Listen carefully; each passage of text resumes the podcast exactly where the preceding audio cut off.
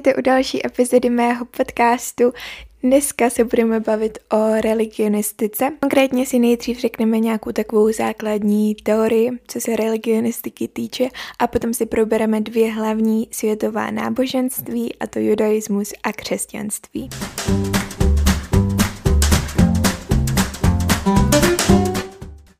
Takže nejdřív něco k té teorii.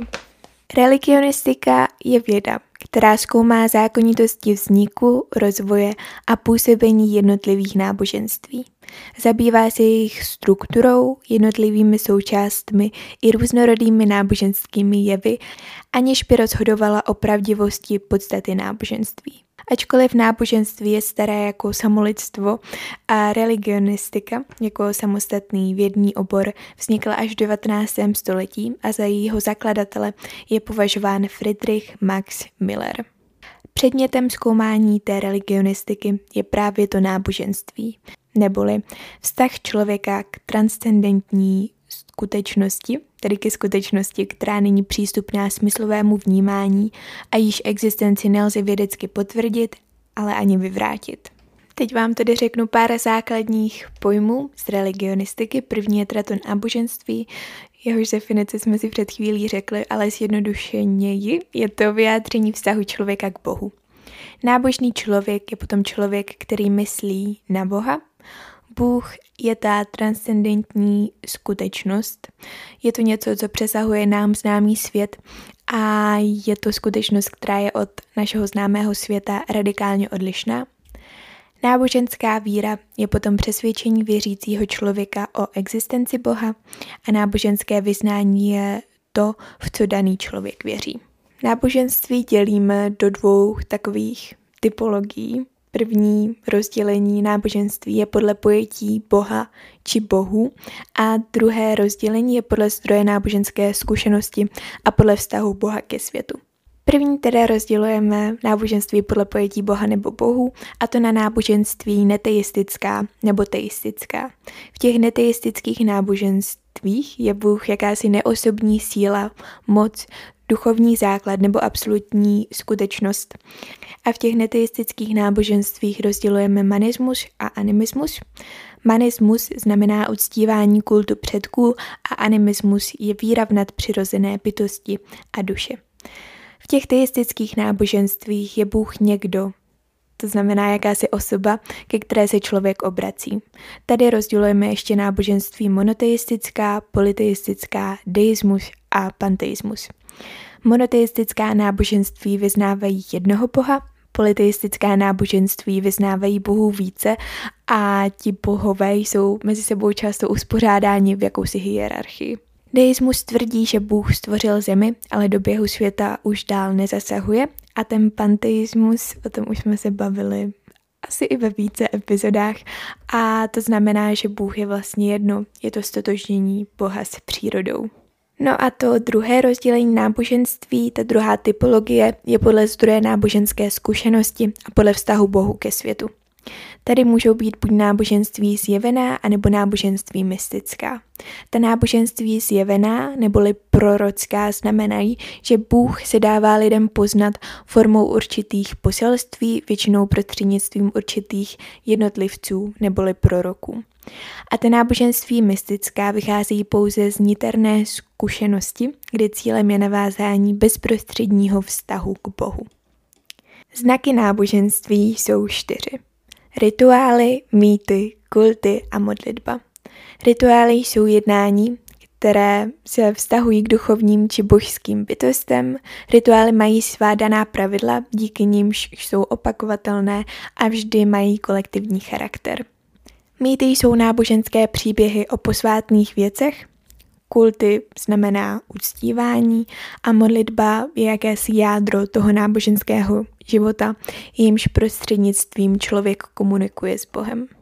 A jako poslední věc z teorie si tady uvedeme, nebo vlastně všechno je to teorie, ale anyway, prostě si tady uvedeme ještě dva pojmy, a to je ateismus a teodicia. Ateismus je životní postoj, který odmítá náboženství, nesouhlasí s ním, po případě přímo popírá existenci Boha a nevyznává žádné náboženství. A teodica jakási skála ateismu. Je to problematika, kterou vysvětluje Leibniz. Je to problematika ospravedlňování Boha z hlediska zla ve světě, protože Leibniz se zabýval otázkou, že když by tedy existoval Bůh, tak proč by bylo na světě jakékoliv zlo. Takže asi tolik k té základní teorii religionistiky. A teď už se budeme bavit o těch dvou konkrétních náboženstvích, hlavních světových náboženstvích, a to bude judaismus a křesťanství. Takže judaismus neboli židovství je náboženství západní tradice, stejně jako to křesťanství je potom taky západní tradice.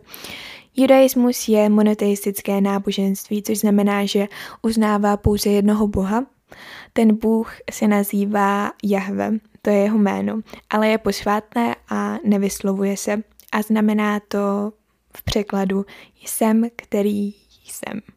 Praotec židovského národa je Abraham, kterého vlastně uznávají i křesťanství a islám, které z judaismu vycházejí. Teď tady uděláme trošku takový rodokmen. Fakt jen trošku. Anyway. Abraham měl dva syny, Izáka a Izmaela, a ten Izák měl syna, který se jmenoval Jákob, což byl Abrahamův vnuk. Ten Jákob měl potom ještě 12 synů, z čehož vychází 12 židovských kmenů.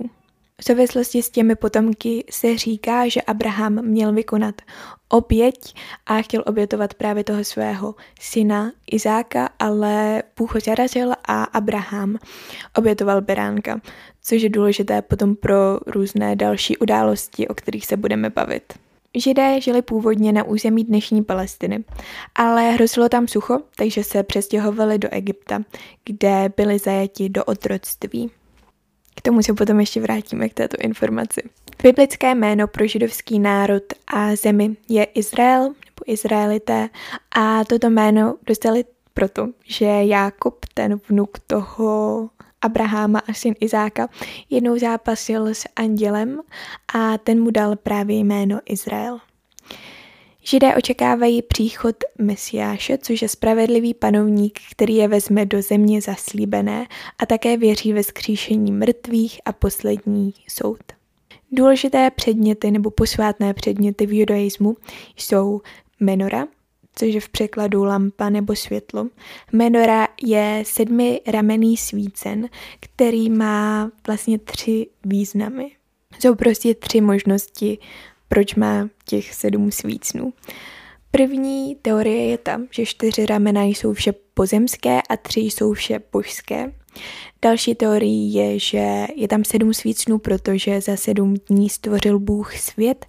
A třetí teorie je, že je to hořící keř, ve kterém se Bůh zjevil Mojžíšovi a řekl mu, ať vyvede svůj národ z Egypta. Opět se k tomu dostaneme. A druhým posvátným předmětem judaismu je židovská hvězda. Judaismus vznikl v druhé polovině druhého tisíciletí před naším letopočtem a odchod Židů z toho egyptského zajetí se datuje do nějakého 13. století před naším letopočtem. Další významnou postavou židovského národa je Mojžíš, kterému se přezdívá z vody vytažený. A to proto, že on už se narodil právě v tom Egyptě, kam židé odešli a byl tam v tom otroctví. A faraon nařídil zabít všechny židovské chlapce. A jeho matka ho poslala po řece Nil, kde ho našla faraonova žena, která ho zachránila a přijala za své dítě v podstatě. Mojžíš potom musel utéct z Egypta do Saudské Arábie, protože zabil faraonova služebníka a tady je právě to, že v tom hořícím keři se musí jevil Bůh a řekl mu, že musí zpátky do Egypta a musí přivést Izraelity do země zaslíbené, což je Izrael. Mojžíš se tedy vrátil a chtěl odvést ty Izraelity do té země zaslíbené, jak slíbil Bohu. Ale faraon je nechtěl pustit, to propouštění trvalo vlastně 40 let a protože je ten faraon nechtěl pustit, tak na Egypt seslal Bůh deset egyptských ran. To obsahovalo rozmnožení žab, potom rozmnožení much, potom přišel mor, pak se voda změnila na krev, přemnožení komárů, potom přišly nějaké neštovice, krupobytí, kobylky, pak byla tři dny tma A nakonec Bůh řekl, že zabije vše prvorozené a aby Izraelité zabili beránka a pomazali dveře krví toho beránka. Kdy vlastně Bůh uvidí tu krev, tak tam zabíjet nebude. Přitom měl vlastně Bůh zabít i faraonova syna. A potom teda faraon vše dopustil, takže oni utekli. Potom si to rozmyslel, sledoval je. Izraelitům se roztoupilo rudé moře, potom došli na horu Sinaj, kde Bůh řekl Mojžíšovi desatera. Ta hora Sinaj se jinak jmenuje Mojžíšova hora a tam vlastně Mojžíš zemřel. Je tam na jeho počest postaven i pravoslavný kostel. A protože Mojžíš na té hoře zemřel, tak do Izraele židy dovedl Jozul. Centrum judaismu je chrám v Jeruzalémě a modlí se v synagogách. Významný předěl judaismu nastal kolem prvního století našeho letopočtu, kdy část židů přešla ke křesťanství. Potom byla taky židovská diaspora, neboli rozptyl židů do celého světa. Rozdělujeme několik hlavních větví judaismu. První je ortodoxní, to jsou úplně nejpřísnější židé, kteří nosí takový ten typický klobouk, cepánky, ženy si zakrývají hlavu. A potom jsou reformovaní židé, kteří jsou takový trošku modernější. Pořád se řídí tím poselstvím proroků, ale nenosí například tu pokrývku hlavy. Konzervativní judaisté uh, se nachází někde mezi těmi ortodoxními a reformovanými a poslední větví jsou židé bez vyznání. Posvátné spisy judaismu jsou Tanach a Talmud. Tanach se dělí na tři části. Tóra, proroci a spisy. Ta Tóra se potom rozděluje ještě na dvě knihy. První kniha se nazývá Genesis a tam jsou zmíněny tři příběhy. O stvoření světa, o stvoření člověka a o vyhnání z ráje. A ta druhá kniha se nazývá Exodus a tam je popsáno vše, co se týká býtí židů z Egypta. Další část toho Tanachu jsou proroci, tam jsou dějepisné a prorocké spisy a poslední část jsou spisy a tam jsou napsány různé písně, modlitby, mudrosloví a nebo i napínavé milostné příběhy. No a ten další posvátný spis judaismu je Talmud, který vykládá ten Tanach a popisuje, jak by měli židé žít. Takže ještě malá rekapitulace. Posvátné spisy judaismu jsou Tanach a Talmud. Ten Tanach se dělí na Tóru, proroky a spisy a ta Tóra se dělí ještě na Genesis a Exodus. Jak už jsem řekla, tak eh, židé se modlí v synagogách při stěně směrem k Jeruzalému. Tam jsou vždycky svitky s textem Tóry.